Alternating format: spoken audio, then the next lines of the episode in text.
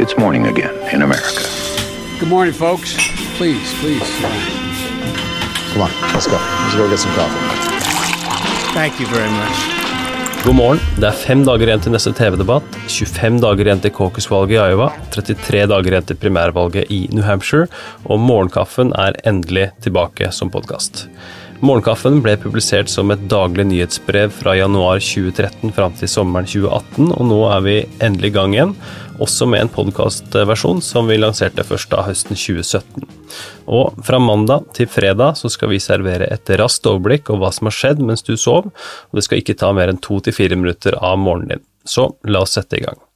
I går så talte Trump om situasjonen i Iran, flankert av forsvarsminister Mark Esper, visepresident Mike Pence og utenriksminister Mike Pompeo, så hevder Trump at den spente situasjonen med Iran nå er i ferd med å roe seg. As as States, Iran will never be allowed to have a nuclear weapon.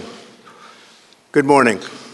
I'm pleased to inform you the American people should be extremely grateful and happy. No Americans were harmed.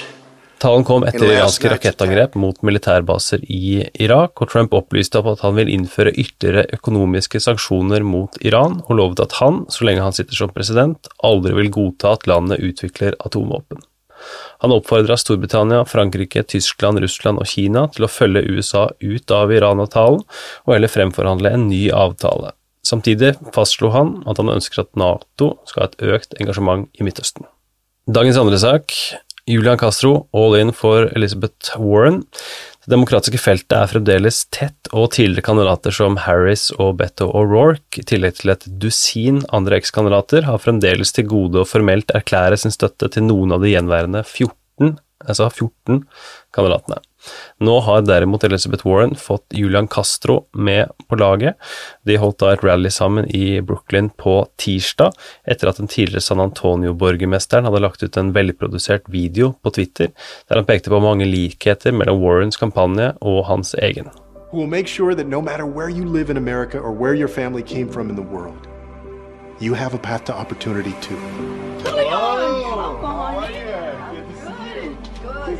That's why I'm proud to endorse Elizabeth Warren for president. You did so many things in this campaign. Yeah. And it continues to matter. It's not just in the past tense, it matters. You know, I started my campaign Dette off- fører naturlig nok til at spekulasjonen om et mulig Warren-Castro-kandidatur allerede er i gang.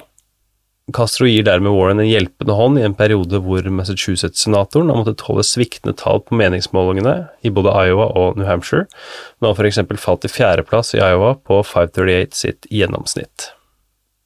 Dagens tredje og siste sak er at Trump og Bloomberg planlegger hver sin Superbowl-reklame.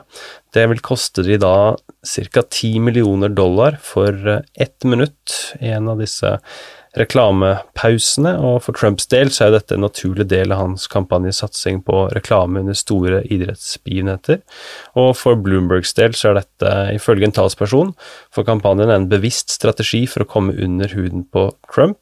Begge har mer enn nok penger. Trump eh, av at valgkampen hans, gjenvalgskampen har fått inn masse penger, og Bloomberg fordi han er en av verdens rikeste menn.